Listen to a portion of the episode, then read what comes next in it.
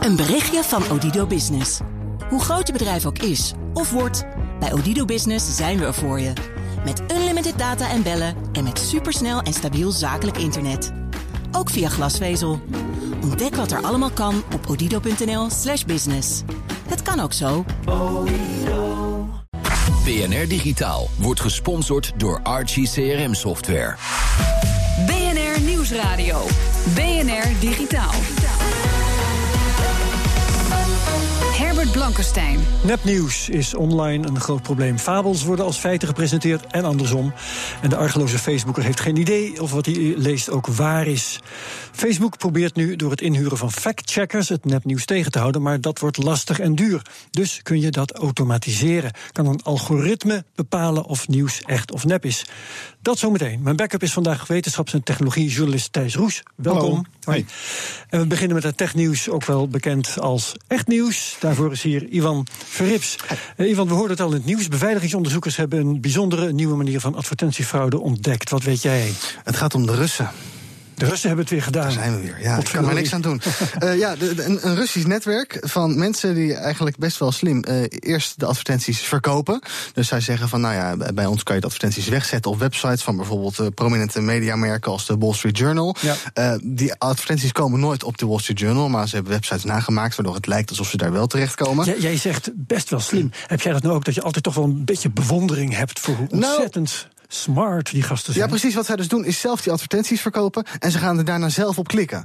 Dus uh, van, uh, met, met servers vanuit de VS en vanuit Nederland hebben zij, uh, ja, kunnen zij na simuleren alsof gewone ja. mensen op die website zitten, op die advertenties klikken. Dat doen ze heel vernuftig, want ze hebben allerlei muisklikjes, zodat het lijkt alsof hey, echt iemand bent. Je bent zogenaamd ingelogd met een, social media profiel, dus het is eigenlijk niet te achterhalen dat, dat, het, dat, het, dat, het, ja, dat het gewoon nepkliks zijn. en inderdaad, je zei het al, je hoort het in het nieuws. Uh, 2 tot 3 miljoen per dag verdienen ze hiermee. Best wel een hoop geld. Best wel een hoop geld. Ja. En zouden die adverteerders nou helemaal niet merken dat die advertenties niet nou gezien ja, worden? Je zou denken, je meet natuurlijk het effect van je advertenties. Dat dacht ik. En uh, als je uh, voor een paar miljoen wegzet aan advertenties, maar er komt geen enkele bestelling, je conversie is nul, ja, dan ga je dat wel een keer merken, zou je denken. Maar nou ja, blijkbaar is het toch, loont het genoeg. En misschien gaat er wel zoveel geld in die markt om dat ze die paar miljoen per dag ineens missen. Dat zou ook nog kunnen. Mark Zuckerberg zou dat niet missen? Nee, ik denk het niet. Die heeft zijn eigen slimme assistent gedemonstreerd. Ja. Als wij iets slims in huis willen, dan kopen we Google Home of Amazon Echo. En dan gaan we daar de hele dag tegen schreeuwen. Uh, Mark Zuckerberg heeft, uh, denk ik, iets meer uh, vermogen dan ons hier. Iets. Maar hij is ook slimmer. Hij is ook wat slimmer. en hij heeft gewoon zijn eigen systeem gemaakt. en ja. heeft het Jarvis genoemd. Um, hij is er vrij trots op, want hij heeft er korte video's over gemaakt. En nou, daar kunnen we even naar luisteren. Max woke up a few minutes ago. I'm entertaining her. Good morning, Max. Let's practice our Mandarin. Zhao Shong Mao. Jarvis knows when to make me breakfast. Your toast is ready. One of the best things about Jarvis is it could recognize people at the gate, let them in automatically, and then just tell me about it. Mark, your parents are coming in. Ik zou dan niet weten dat mijn ouders altijd maar binnen kunnen komen in huis zonder dat ik het weet. Ik maar vind het ook een wat lugubere stem. Nou ja, als Mo Morgan Freeman, Morgan Freeman, man. ja. Morgan Freeman. Als, die, als, ik, als ik Morgan Freeman altijd mag krijgen, dan, dan doe ik het wel. Ja. En hij leert dus de kinderen, of de dochter van Mark Zuckerberg, leert hem mandarijn. Wow. Maar het is voor Mark Zuckerberg, die woont natuurlijk in een mansion met een gate. Ja. Ik bedoel, ja, bij mij bellen ze gewoon aan de voordeur aan. Dus ja. Dus, ja. Jij hebt dat niet nodig, wil je zeggen? Nou, ik, ik, ik heb dat ding van Amazon wel eens in actie gezien. En ik vond het uiteindelijk toch wel heel fijn. Ja. Tijdens het koken even vragen, gewoon... Het was een Nederlandse in Amerika. Die moest heel even weer uh, caps naar grams of zo veranderen. Oh, je roept het even door de huiskamer en je krijgt een antwoord. Dus uh, toch, dat was toch best handig. En Mark Zuckerberg heeft natuurlijk het vermogen om in elke deurknop waar hij wil zoiets in te bouwen. En het fijne is, als je het zelf bouwt, dan kan je het ook helemaal veilig bouwen voor zover dat kan. Maar dan heb je alles in controle. Dus uh, ja. ik geloof niet dat het product naar de markt komt. Maar uh, we hebben in ieder geval even een kijkje kunnen nemen in het leven van Mark Zuckerberg. Het woord van uh, 2017 is ook al bekend. Dat is oplaadhufters. Ja, net bedacht. Mooi hè? En Tesla heeft daar al iets op gevonden. Ja, het was een probleem waar Elon Musk mee te maken had. Um, in gebieden waar veel Tesla's rondrijden, daar wil natuurlijk iedereen opladen bij zo'n supercharger. Dat gaat lekker snel. Uh, in Nederland zijn er niet zoveel. Die zijn geloof ik letterlijk op twee handen te tellen. Maar uh, in Californië zijn die er natuurlijk wel. Maar het probleem, het probleem waar je het over gaat hebben, dat bestaat ook bij gewone laadpalen. Uh, zeker. En het probleem daar in Californië is zeker dat als je je auto opgeladen had en je liet hem daarna staan, ja, dan kon dus niemand anders opladen. Precies. Dat is een beetje hufterig. er is nu een oplossing voor bedacht. je gaat een fee betalen betalen als je eh, langer staat dan je nodig hebt om op te laden. Dus je, staat, eh, je laat op, dan kan je vijf minuten nog staan om even je auto weg te zetten. En daarna ga je 35 eurocent per minuut betalen. Dat maar dat loopt best snel op dan. Ja, dan gaat een uur gaat het eh, euro's in. Dus, nou ja, goed, eh, auto's weghalen, maar dan is er wel weer plek voor anderen waarschijnlijk. Ja, oké. Goed nieuws. Dankjewel, Ivan. BNR Nieuwsradio. BNR Digitaal. Klimaatverandering bestaat niet. Donald Trump won ook de popular vote. Zomaar twee berichten die fake zijn, maar online wel als waarheid worden gepresenteerd. Verspreid via sociale media, Google, Facebook, Twitter. In de strijd tegen dat fake nieuws worden programma's ontwikkeld die al deze berichten automatisch kunnen herkennen en deleten. Maar ehm, kan dat eigenlijk wel? Kan een programma bepalen wat waar is? Daarover ga ik praten met Tijman Blankenvoort van kunstmatige intelligentiebedrijf Cypher. Welkom. Ja, goeiedag Herbert, hoi.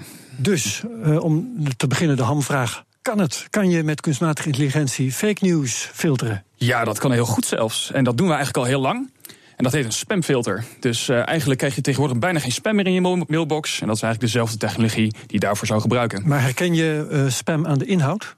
Eh, ja, dat kan. Hè. Als er het woord Viagra in staat, dan is de kans net iets groter dat het. eh Ja, dat is wel spam een hele andersom. makkelijke. Dat is een hele makkelijke, ja. Maar het is een duidelijk voorbeeld. Ehm, maar is het met nieuws niet een heel klein beetje ingewikkelder? Want ehm, er zijn eh, totaal verzonnen berichten natuurlijk. Er is ook gewoon eh, zijn berichten van een journalist die het mis heeft, of van een politicus die het mis heeft. Er zijn onschuldige kleine foutjes. Het is een hele glijdende schaal. Ja, het is, het is ook heel lastig. En eh, de, eh, de het begin van de oplossing is eigenlijk heel simpel. Hè, gewoon lijstjes maken van websites waar verkeerd nieuws op staat. Dat is heel makkelijk. Ja, maar maar inderdaad, de berichten. te, ont, ehm, eh, te, te ontwijken. Mag het makkelijkst ontwijken, inderdaad. Ja, eigenlijk krijg je op een gegeven moment een soort van wapenwedloop tussen de mensen die proberen fake nieuws te maken Natuurlijk, en de ja. mensen die proberen te bestrijden. Een beetje net zoals met hackers eigenlijk. Ja. Ja, dus ehm, even kijken. eh, De Washington Post, dat vind ik wel een grappig voordeel trouwens. Die, die heeft nou een menselijke factchecker aangesloten op het Twitter-account van Donald Trump. ja, geweldig. Het is allemaal nep zeker, of niet? Eh, nou, er zitten hier en daar wat onwaardigheden en slordigheden tussen. Nee, maar. Ehm, gaat gaat ehm, automatische herkenning het uiteindelijk winnen van de mens? Want Facebook zet ook menselijke teams in op dit moment. Blijkbaar vinden ze dat het nu nog niet kan, anders deden ze het wel. Ja, ik denk ook eigenlijk niet dat computeralgoritmes daar nu op dit moment slim genoeg voor zijn. Dus die lijstjes daar, daar begin je mee. Op een gegeven moment wil je bijvoorbeeld op Facebook wil je dat mensen eh, daar zelf reacties op kunnen geven. Dus als jij een nieuwsbericht leest, wil je misschien wel zeggen van ja, dit, eh, dit klopt helemaal niet. En dat zijn eigenlijk de eerste stappen die je zou moeten nemen. Maar om echt artificial intelligence te laten begrijpen waar dat nieuws over gaat en dan te laten checken of dat waar is of niet. Ja, zover zijn we nog niet. Ja. Maar die AI kan wel die mensen assisteren om bijvoorbeeld een soort van lijstje te maken, een ranking van welke nieuwsberichten de kans groter is Oké. dat het een nep is of niet. Ah, Een de- soort reliability-achtig eh, ding. Van hoe betrouwbaar is het op een schaal van 1 tot 100 of zo? Dat je zoiets erbij. eh, Ja, nou niet per se betrouwbaarheid, maar waar, waar je naar gaat kijken zijn bijvoorbeeld flags in die berichten die indicatief zijn voor nepnieuws. Bijvoorbeeld, nepnieuws is alleen maar interessant als de mensen op klikken. Ja. Wat gebeurt er? Eh, berichten die heel erg eh, sensational zijn, dat is waar mensen op willen klikken. Dus die hebben ook een grotere kans om nepnieuws te zijn. Dus ga alsjeblieft naar die nieuwsberichten kijken. En niet naar het nieuwsbericht dat er in eh, weet ik, van een klein dorpje in Nederland een man door een hond gebeten is. Ik vind het wel een moeilijke discussie hoor. Is het ook? Ja. Ja, want je, je maakt, eh, als het gaat over lijstjes van media die bijvoorbeeld, puntje, puntje, puntje, dan is het al, oh, je gaat dus bepaalde media ga je dus op een zwarte lijst zetten, als het ware. Ja. En ik, ik, ik worstel er enorm mee. En de, de moed zakt me ook eigenlijk in de schoenen, omdat het dat fake nieuws is overal. Maar al jaren worden ook eh, onwaarheden in de normale media Ja. eh, eh, verspreid. Niet om nou te zeggen dat het allemaal een grote complottheorie is. Maar, Nee, maar we hebben wel- nooit een goed systeem weten te vinden. voor als iemand iets onwaars vertelt. Bijvoorbeeld de politie die te snel iets zegt. of een politicus die onzin uitkraamt. Ja. Als normale media kan je daar vervolgens verslag van doen. En is het eigenlijk, kan het nog steeds nepnieuws zijn. maar het is nou ja, in, met, naar, naar eer en geweten opgeschreven. Dus het is, het is zo'n, ik vind het zo'n complexe discussie. dat ik echt hoop dat, dat technologie en wetenschap ons hieruit gaat redden. Ja, maar, er, er zit een soort van twee lagen in. Hè? Want de grootste discussie over fake news op dit moment gaat hem over de websites die proberen jou te beïnvloeden om bijvoorbeeld op advertenties te klikken op hun website. Dat is waarom ze het posten. Of bedrijven, mensen die proberen de politiek te beïnvloeden door nepnieuws. Nou, we zijn het er denk ik allemaal over eens dat dat niet de bedoeling is. Dat willen we weg hebben. En daarnaast is er nog een laag eh, van mensen in de politiek of eh, die onwaarheden verkondigen. Ja, dat is weer een andere laag. Moeten we misschien ook naar kijken wat aan doen. Eh, we zitten nog net iets verder denk ik weg van bij de discussie waar we het nu over hebben. Maar ah ja, als we software kunnen maken die dat ook eh, kan checken, het zou geweldig zijn. En ik kan het nog ingewikkelder maken, want je hebt eh, pertinent nepnieuws. dat we toch niet weg willen hebben. Dan denk ik aan de speld bijvoorbeeld. Ja, dat vind ik dus wel weer heel leuk. Ja, maar Heel, heel leuk als, als uitdaging bedoel je om kunstmatige intelligentie op te lossen. Want hoe onderscheid je opzettelijke onzin die een grap is van opzettelijke onzin die, ik zal maar zeggen, malicieus is? Ja, dat is heel erg lastig. Uh, ik denk eigenlijk niet dat software dat op dit moment zou kunnen. Behalve als je natuurlijk vertelt dat het van de speld komt, dan heeft het opeens meteen te pakken. Je kunt gewoon, ja, ja, whitelisten. ja? ja? Nou, cultureel hebben we het eigenlijk al in Nederland altijd bepaald. Nepnieuws lag over het algemeen altijd bij de kapper in met grote headlines in een, in een blaadje. Ja. En dat, dat had een soort culturele plek. Je wist als je dat pakte van het is een beetje, beetje, Ja, nee, maar ik denk dat tegenwoordig, omdat de omslag allemaal hetzelfde is, namelijk blauw met een F'je erin, Facebook, mm weten mensen helemaal niet meer dat onderscheid te maken. Er is geen soort van voorselectie gemaakt van dit klopt wel en dit klopt niet. Waardoor soms zelfs de websites lijken qua naam heel erg op, op elkaar. En, en ik snap Kijk, wij sommigen van ons hier in media, die hebben ervoor doorgeleerd om daar zeg maar proberen onderscheid tussen te maken. Maar de normale mens, ik zou het die niet aan willen doen om dus constant nee. bezig te zijn. Kijk, en het was, het was goed in het nepnieuws nog in de, in, de, in de nepbladen stond of dat het op, inderdaad op de speld staat, want dan weet iedereen het. Ze bestaan nog steeds. Maar, en, en er zit ook een bepaalde sociale check in natuurlijk, want als jij opeens uh, een bericht van de, uh, van de speld doorlinkt aan je vrienden van hé, hey, wat, wat is dit nou? Ja, dan zeg je vrienden gewoon tegen van ja, je moet, oh, let eens even op wat dit is, uh, zeg maar. Maar ja, andere berichten, daar zit er niet in. Dat is lastig. Hoe je dat als mens beoordeelt, je, je zet je uh, je kennis van het internet zet je erbij in. Hè? Wat voor site is dit? Je zet je kennis van de wereld erbij in. Is dit waarschijnlijk? Zo nog een hele hoop dingen. Uh, ik moest bij dat soort zaken denken aan Watson van IBM. Mm -hmm. Ook zo'n ding met heel veel achtergrondkennis. Ja. Kan IBM dit? Kunnen ze Watson daarvoor inzetten? Ja, nou, ik, ik, uh, er zitten vast algoritmes in het Watson-platform die je daarvoor in zou kunnen zetten. En dan gaat het gewoon voornamelijk om het uh, koppelen van teksten aan elkaar. Dus welke teksten dus op andere plekken ook te vinden. Uh, Watson is voor een groot deel eigenlijk een soort van zoekmachine. En de zoekmachine kan je inzetten om te kijken van hè, het nieuwsbericht wat nu gepost wordt. Zijn er bijvoorbeeld normale media die dat ook posten? En als dat niet zo is, moet je toch maar even gaan checken of dat niet nep is of niet. Als ik nou overzie wat je allemaal gezegd hebt nu, uh, dan zie ik wel iets aankomen van uh, er, er uh, zal een systeem komen waarbij mensen, mensen dan toch echt mogelijkheden aangeven ja. met, met, een soort sociale check. Ja. En daar worden dan uiteindelijk factcheckers op losgelaten die geassisteerd worden door kunstmatige intelligentie. Krijgen we zo'n soort drietrapsraket? Dat is het eigenlijk. Lijstjes, mensen die gaan reporten, scores om te kijken of die mensen die reporten wel betrouwbaar zijn. En whitelisting voor de speld. En whitelisting voor de speld. Zullen we die doen? Vind ik een goeie. Ja. We hebben het opgelost. Mooi zo. Zelden zo snel gegaan. Dankjewel, Tijmen Blankenvoort van Cypher. Zometeen weer een pareltje van YouTube. Een GoPro in vloeibare stikstof. Min 200 graden. BNR Nieuwsradio. BNR Digitaal. Gloeiend hete messen die aanstekers doorsnijden. Auto's die vol gas geven terwijl de rem erop staat. Of droog ijs onder een hydraulische pers. Het zijn de parels van YouTube. Het volgende hoofdstuk: een GoPro in vloeibare stikstof. In min 200 graden Celsius dus. En degene die het zag was redacteur Ivan Verrips. Er zijn belangrijke vragen in het leven. Waartoe zijn wij hier op aarde? Bestaat er een God? Is er leven na de dood? En?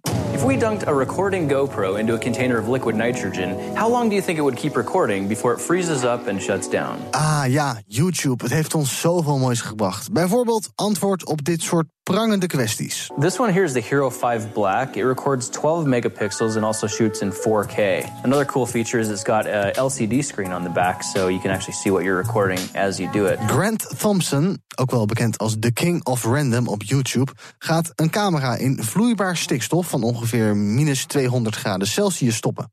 Nu weten we dat GoPro's gemaakt zijn voor extreme situaties, maar zal hij dit ook overleven? De GoPro Black gaat nu 5 seconden in de stikstof.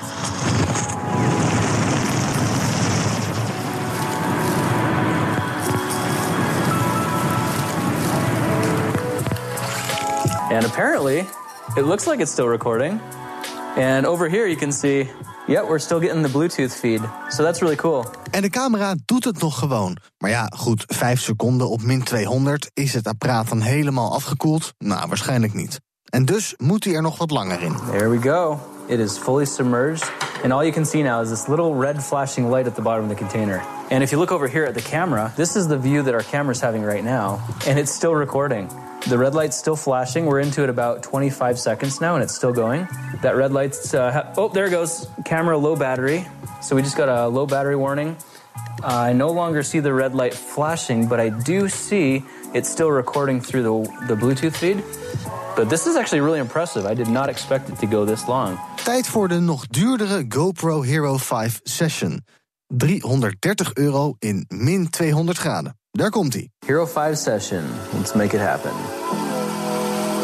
Still recording so far. And all the way in. Cool. Now we're just going to let that saute for about one and a half to two minutes. We're into it about 35 seconds now, and everything's going strong. The picture still looks clear on the Bluetooth. It's actually amazing to me that it can still transmit Bluetooth wirelessly at those temperatures. Oh, yep, camera just turned off. At least it disconnected from the phone, but the light's still flashing in there. So it looks like the GoPro is probably still recording. Oh, there goes the GoPro. Just shut off. Conclusie: 60 seconden in vloeibaar stikstof. Dat lijkt toch wel echt de max voor deze apparaatjes. Wat we verder weten: het schermpje gaat kapot. Kapjes vallen van de apparaat af en ook lensjes begeven het. Maar wat zou er nou op dat SD-kaartje staan? It's a day later now, and these things have sat out all night and completely acclimated back to room temperature. It took about an hour for them to completely defrost, and unfortunately, we lost all the data. We kept getting error messages saying the SD cards were corrupted, so none of the footage that we got with the GoPros was salvageable, unfortunately. Helaas, de data op het kaartje is weg. Maar doet de GoPro het nog? The LCD display looks completely normal if we press the button. It looks like we can even get it recording. So our Hero 5 session survived, and it looks like it works in perfect conditions. So I'll probably be using this for future videos. Kortom, de GoPro overleeft vloeibaar stikstof van min 200 graden tot ongeveer in ieder geval 60 seconden. Alleen zijn de gemaakte beelden in die situatie niet meer bruikbaar. Maar daarna is je GoPro weer helemaal good to go. En wil je het filmpje van Grant Thompson met eigen ogen zien? Een linkje staat op bnr.nl/slash digitaal. BNR Nieuwsradio. BNR Digitaal. Wereldwijd staat op bijna 90% van de smartphones het besturingssysteem Android gemaakt door Google. Maar er is een probleem met de veiligheid van Android. Al tijden komen daar berichten over voorbij met als hoogtepunt malware die in de fabriek al op de telefoons wordt gezet. En het betreft een beetje ter geruststelling, goedkope Chinese merken.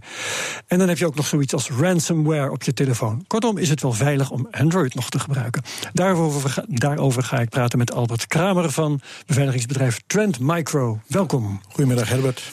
Albert, als er um, malware af fabriek op je telefoon staat, kunnen we dan niet beter de handdoek in de ring gooien? Wat is het leven dan nog waard? Ja, dan, wat is het leven dan nog waard? Um, dan wordt het toch wel uh, heel moeilijk. Want um, als je eigenlijk al niet meer kan vertrouwen op iets wat je koopt in de winkel, dat dat niet meer veilig is, ja, dan, uh, ja. dan wordt het toch wel moeilijk. Die malware die daarop gevonden is, heeft die Nederland bereikt? Of is het alleen maar in China gebleven? Dit is vooralsnog in, uh, gevonden in Azië en in Afrika. Um, maar het komt ook voor in Nederland. Uh, het ja. kan ook gebeuren in Nederland. Want kijk, er is altijd druk op mensen om uh, iets te produceren uh, wat aantrekkelijk is. Nou, enerzijds of je doet dat met mooie features, dus een mooiste toestel, laatste, laatste techniek, of je doet het met prijs. Een laag prijs. Ja. En prijs is voor heel veel mensen ook een, een beslissingsfactor. Die malware die hier ontdekt is, wat doet die? Nou, die malware uh, maakt het voor uh, degene die dat ontwikkeld he heeft uh, mogelijk om uh, applicaties toe te voegen zonder dat de gebruiker daar toestemming voor geeft. Dus eigenlijk doet hij alles? Eigenlijk alles. Ja. He, dus hij kan ransomware toevoegen, hij kan kijken wat je locatie is, hij kan uh, toetsaanslagen afluisteren, weet ik. Ja. Om je wachtwoorden of uh, misschien ja. je creditcardgegevens af te luisteren. In principe ben je de volledige controle over je toestel kwijt. Kun je het er nog afkrijgen? Nou, heel moeilijk. Uh, als het gaat om firmware, hè, dat, dat is eigenlijk een stukje software wat in het toestel zit, af fabriek. Um, de enige manier om dat uh, te verwijderen is door een nieuwe firmware toe te voegen. En dat is niet, zo altijd, uh, niet altijd even makkelijk. Nee. Want je moet, moet de fabrikant in feite uh, in gang zetten. Correct, ja. De fabrikant moet eigenlijk een nieuwe firmware aan, aan, jou geven. En jij moet de kennis en kunde hebben om die firmware ook te kunnen vervangen. En zijn de fabrikanten hier bona fide? Uh, ik neem aan dat er in de fabriek dan toch iemand moet hebben meegewerkt. Nou, uh, hoe dat in, zijn gang gaat. Uh, kijk, een, een, cybercrimineel of een internetcrimineel zoekt eigenlijk toegang tot het fabricatieproces. Dat kan hij van buitenaf doen als het uh, slecht beveiligd is. Of hij heeft inderdaad zijn mensen in het proces waar hij mee samenwerkt. en op die manier probeert hij zijn eigen kwaadaardige code in de firmware ingebakken te krijgen. Maar die heeft in feite zetbazen gehad in het productieproces. Dat is aannemelijk. Of inderdaad, de beveiliging van het netwerk is dermate slecht dat je Oh, dat ja. van buitenaf kan Met doen. malware in de fabriek. En dan. Ja. Ja, Thijs, word jij hier zenuwachtig van, nou? Ja, best wel. Ja. Ik heb al jaren Android. En ik, ik vraag me, zeker als het op zo'n hoog niveau eh, gebeurt, dan vraag je je inderdaad af van ja, oké, als je dan zelfs de fabrikant van je, van je ding niet kan vertrouwen. Maar ik hoor van jou, het zijn goedkope merken uit China. Dan is mijn vraag, zou zoiets ook in de Play Store terecht kunnen komen? Nou, wat we zien is dat Google. eh, De winkel van eh, ja, Google, hè, waar je eh, je apps haalt. Play Store is eh, de winkel van Google. Eh, Nou, dan Google staat het per definitie niet al op je telefoon. Nee, nee, nee, Dus precies. is- precies. dat is, eh, nee, ik hoorde laatst de waarschuwing namelijk. eh, even, even wat achtergrond. Iemand zei van, oké, sowieso nooit meer apps van buiten installeren. Dat deed ik vroeger nog wel eens, want je had eigenlijk de soort van creatieve, hè, de independent apps, die kon je dan daar vandaan halen. Ja, als ik dan zoiets hoor van, je mag alleen maar de Play, bij de Play Store halen. En ik hoor dan ook nog dat misschien zelfs de fabrikanten ermee aan het joemelen zijn. Begin ik wel te denken van, oké, inderdaad, hoe, hoe veilig is dat het, begint inderdaad met een stukje bewustzijn. Hè? Dus ehm, eh, in 2012 riepen wij van. Oh, er zullen honderdduizend verschillende eh, malwares of, of kwaadaardige programma's zijn voor Android. En Google zegt: ah, dat mag je niet zeggen, want dat is niet waar. Nou, het was ook niet waar, want aan het eind van het jaar waren het er 130.000. Oh, wauw. Ehm, Het waren er veel meer dan iedereen verwachtte. Maar En die staan toch niet allemaal in de Play Store? Nee, nee, maar Google heeft toen eigenlijk wel ingezien van... oh, wacht even, dit is een groter probleem dan, eh, Ja. dan we beseffen. We moeten daar iets aan doen. Dus binnen hun eigen eh, Play Store, hun eigen winkel... hebben ze nu het goed onder controle. Hè. Ze checken de applicaties. Oké. Maar in al die andere, laten we Want zeggen... aanvankelijk waren ze een stuk losser dan bij Apple. Hè? Ja, ja, Ja. kijk, Android is een open systeem. En dat is ook het succes van het systeem. Daarom is het ook op, op meer dan 86% van de toestellen wereldwijd eh, actief.